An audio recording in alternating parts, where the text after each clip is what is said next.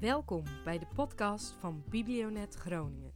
In deze serie ga je luisteren naar de verhalen van de drie winnaars van de schrijfwedstrijd Over de Grens. Deze wedstrijd werd uitgezet tijdens de Nederland leest in 2021. Ik wens je heel veel luisterplezier.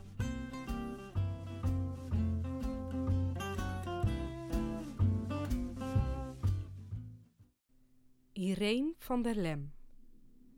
De lichtmatroos. Ze had me gebeld onder het eten en klonk als gewoonlijk een beetje geagiteerd. Een uurtje geleden, toen ze het licht in de gang had aangedaan, was daar opeens een gele vlek op het plafond zichtbaar geweest, met glimmerende druppels aan de randen. Telkens vielen er een paar naar beneden. Lekkage dus, en of ik nu even wilde komen kijken. Ik had wat gesputterd mijn bord lasagne was nog half vol en ik was moe uit mijn werk gekomen. Ik had vandaag in de kou buiten geschilderd en in mijn eentje de steiger op moeten bouwen. Of het ernstig was, had ik gevraagd. Of het niet tot morgen kon wachten. Stel dat er kortsluiting komt, had ze gezegd. De vlek raakt bijna het lichtpunt. En de bovenbuurman, een matroos, was aan de wal en thuis vanavond. Ze had hem horen lopen. In het donker en in een zachte motregen fiets ik de straat uit. Sinds enkele jaren woon ik op mezelf, een paar straten van mijn moeder vandaan. Ze belt me vaak. Haar jongste jongen, haar lieveling. Twee eenzame zielen, spot ze dan. Maar ik zit echt niet op haar belletjes, zoals ze die noemt, te wachten. Ze had me graag anders gezien. Nee, niet anders. Juist gewoon. Ze heeft daarover altijd bezwerend gezwegen niet mis te verstaan. Op de hoek van de Mussenbroekstraat zet ik mijn fiets met een kettingslot vast aan een nietje. Van hieraf zie ik al het verlichte raamkozijn en de bleke, beringde hand van mijn moeder die het gordijn wat opzij duwt. Voor ik aan kan bellen, heeft ze de deur al open gedaan. Met haar arm om mijn schouder trekt ze me even tegen zich aan. Ze stiefelt op beige wollen pantoffels voor me uit. De stevige benen in een te strakke zwarte joggingbroek. Verderop, in een smalle gang, wijst ze naar de vochtplek. Ik zie geen druppels. Net anders wel hoor. Kijk eens. Ze komt terug uit de keuken met een lichtblauw afwasstijltje waarin een klein laagje water staat. Hierboven is zijn badkamer. Ik heb hem nog niet zo vaak gezien. Een beetje een apart type. Hij vaart. Mijn moeder blijft afwachtend naast me staan. Nou, dan zal ik maar eens even aanbellen. Ik begrijp trouwens niet dat je me daarvoor vraagt. Dat kan je zelf toch ook? Mijn jas heb ik aangehouden. Nu loop ik weer naar buiten en druk op de bel van de naastgelegen deur. Er gebeurt niets. Ik bel nog eens en houd het knopje lang ingedrukt. Toch is hij thuis. Mijn moeder kijkt toe vanuit haar deuropening, de armen kouwelijk om zich heen geslagen. Ik hoorde hem zo net nog lopen. Ik weet het zeker. Nog eens druk ik op de bel. Ik sta in het volle licht van de buitenlamp. Dan hoor ik snelle voetstappen op de trap en heel voorzichtig gaat de deur op een kier open. Alleen een hoofd met sluikdonker haar wordt zichtbaar. Als vanzelf stap ik wat naar voren. Sorry dat ik je stoor hoor. Mijn moeder, je onderbuurvrouw, heeft last van een lekkage in haar gang. Waarschijnlijk van jouw badkamer. Mijn moeder was bang dat je morgen weer op je schip zou zijn. De deur gaat niet verder open. Het blijft stil. Ik vind de kier en de stilte ongemakkelijk. Ik ben haar zoon. Ze heeft me even gebeld. Dan zacht een verontschuldigende stem. Zelf heb ik niets van de lekkage gemerkt. Wat vervelend. Mijn moeder heeft gehoord dat er nu contact is met de buurman. Het komt van de badkamer. Ja, het komt vast uit de badkamer. Daar straks ben ik onder de douche geweest. Wat vervelend dat ik je moeder nu een overstroming heb bezorgd. Is het erg? Lijkt me een aardige zeeman, schiet het door me heen.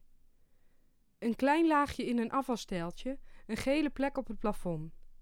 Kan je misschien even bij de douche kijken of er naar laten kijken. Ze is bang voor kortsluiting. Terwijl ik praat, vallen mijn ogen stil op de hand die de deur stevig blokkeert, zodat de kier vooral niet meer dan een kier wordt en die nu wat omhoog schuift. Stevige vingers met rood gelakte nagels. Mijn blik wordt meteen ontdekt. De hand blijft waar die is. Zie je wel dat hij thuis is? Mijn moeder staat nog steeds in haar deuropening. Ga jij maar naar binnen, ma. Het is veel te koud voor je en je wordt nat. Mijn handen hangen onhandig naast mijn lijf naar beneden. Met wat omtrekkende bewegingen stop ik ze in mijn jaszakken. De lichte miser is inmiddels echte regen geworden. Kortsluiting?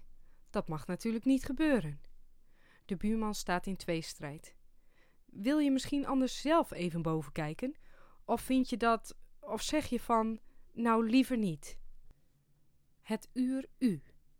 Mijn moeder is naar binnen gegaan, zie ik. Als ik een natte hond was, zou ik haar nu helemaal uit mijn vacht willen schudden. Ja hoor, geen probleem, ik ga wel met je mee naar boven. Voorzichtig loop ik achter hem aan de trap op. De voordeur valt dicht. Zijn voeten maken snelle stapjes op hoge zwarte hakken. Daarboven klokt een grijze jurk. Ik heb je moeder eigenlijk nooit echt gesproken. Het is er nog niet van gekomen. Ik woon hier pas vier maanden en ik werk op de binnenvaart. Mijn moeder komt ook niet zoveel buiten. Ze is erg op zichzelf. Als ze iemand nodig heeft, belt ze mij. Ik woon een paar straten verderop. Ze belt best vaak. En tegen zijn rug, ze kan nogal dwingend zijn. Op de kleine overloop kijk ik de buurman recht aan. Een hoekig gezicht met bruine ogen, lange donkere wimpers. Een beetje verlegen lijkt hij. Maar hij is ook stoer. Tenminste, dat vind ik, en dat zou ik willen zeggen. Je ziet er mooi uit, zoiets. En dan opeens is het ook gezegd. Hij opent de deur van de badkamer en met een armgebaar laat hij me voorgaan. Zo zie ik er niet altijd uit hoor. Ik grijns. Dat begrijp ik. Je bent matroos, zei mijn moeder. Je moeder weet alles, hij plaagt. Het is bijna goed. Ik ben nog in opleiding. Lichtmatroos ben ik nu. Lichtmatroos. Ik proef het woord en kijk naar zijn hoge hakken. Ik ben schilder, een eenmansbedrijf en ik weet trouwens niet zoveel van loodgieterswerk hoor. Snel druk ik de deurknop van de badkamerdeur naar beneden. Nou, toon me het rampgebied maar eens. Het is gauw gezien, niets ernstigs, wat randjes die opnieuw gekit zullen moeten worden. Ik zit op de grond naast de douchecabine en kijk naar de geschoren, zongebruinde blote benen naast me. Zeemansbenen. De winkels zijn nu dicht. Morgen kan ik kit kopen. Het is zo gebeurd. Ik wil het graag voor je doen. En voor mijn moeder natuurlijk. Dat laatste kwam er houterig uit voor mijn gevoel. Het blijft even stil. De muurman kijkt op me neer. Fijn, dat is heel aardig, maar morgenochtend ga ik weer voor anderhalve week weg. Het kan wachten, want ik douche voorlopig op het schip, dus van mij heeft je moeder de komende tijd geen last. Hij wacht terwijl ik opsta, zoekt mijn blik en lacht dan voorzichtig. Maar voor het geval je moeder niet kan wachten, krijg je een reservesleutel van me. En kom gerust nog eens langs als ik daarna wel thuis ben. Hij staat wijdbeens met zijn armen over elkaar. Zijn stem is als dons. Hij legt een loopplank voor me uit. Ik wil er juichend opspringen, maar ik knik rustig, voorzichtig. Nu wil ik iets van betekenis zeggen, iets dat ertoe doet. Dat lijkt me van belang, ook voor mij, misschien juist voor mij. Mijn hoofd is helemaal leeg en ik knik alleen. Hij drukt een sleutel in mijn hand en die stop ik met grote precisie diep in mijn broekzak. Dan daal ik de trap af. Hij loopt met me mee om de deur achter me in het slot te draaien. Opeens weet ik het en ik draai me naar hem om. Weet je, ik ben blij dat je me binnen hebt gelaten. Bij mijn moeder in de keuken hangt nog een zware etensgeur. Met mijn gedachten bij de lichtmatroos, leunend tegen het aanrecht, drink ik snel de slappe, afgekoelde kop Senseo koffie die mijn moeder voor me gemaakt heeft. Ze kijkt me afwachtend aan en knip met haar vingers. Met tegenzin land ik weer in haar keuken. Of het erg was, vraagt ze dan. Of het al gemaakt is en of ik daarna het plafond van de gang weer netjes wil witten. Mijn vingers spelen met de sleutels in mijn zak. Het komt allemaal in orde. Wijdbeens sta ik, de keuken bijna te klein om me heen.